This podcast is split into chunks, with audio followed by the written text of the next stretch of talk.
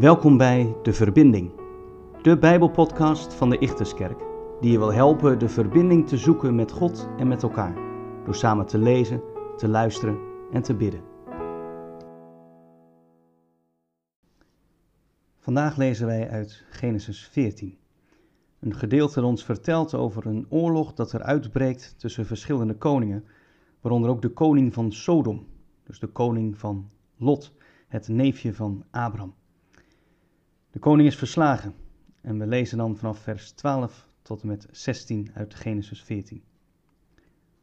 Ook Lot, de zoon van Abrahams broer, voerden ze weg met al zijn bezittingen. Lot woonde namelijk in Sodom. En dit werd door een vluchteling aan Abraham verteld. Abraham die bij de eiken van de Amoriet Mamre woonde, de broer van Eskol en Aner. Mamre en zijn broers hadden met de Hebreeër Abraham een bondgenootschap gesloten.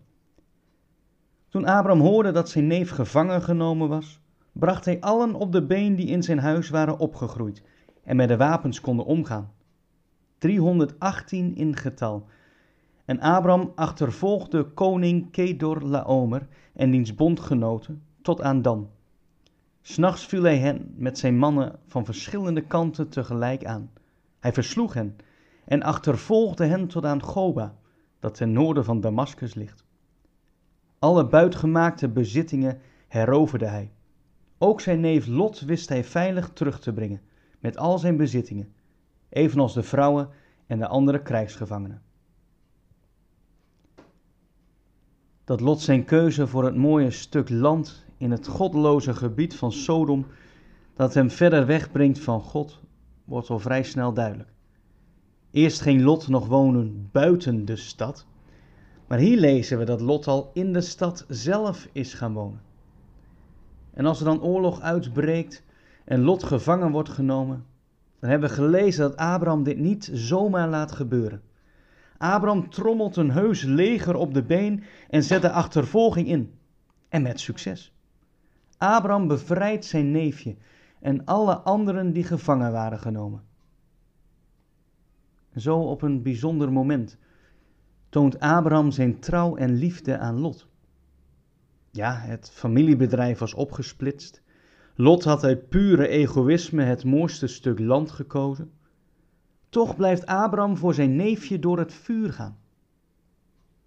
En heel mooi, mag Abraham hierin iets van het beeld van God tonen in zijn leven.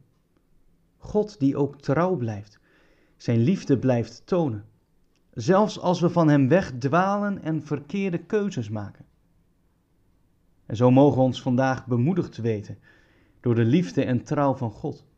Hij die ons niet loslaat, maar vasthoudt. Maar tegelijkertijd klinkt er ook een opdracht om net als Abraham vol vuur te blijven gaan voor de ander, ook als we misschien dingen hebben gedaan die ons hebben geschaad. Durf je dat? net als Abraham zo vol vuur voor de ander te blijven gaan? Dank u wel voor uw liefde en trouw, heren, dat u mij niet loslaat, maar vasthoudt. Wilt u me helpen ook zo trouw te zijn voor de mensen om me heen? Amen.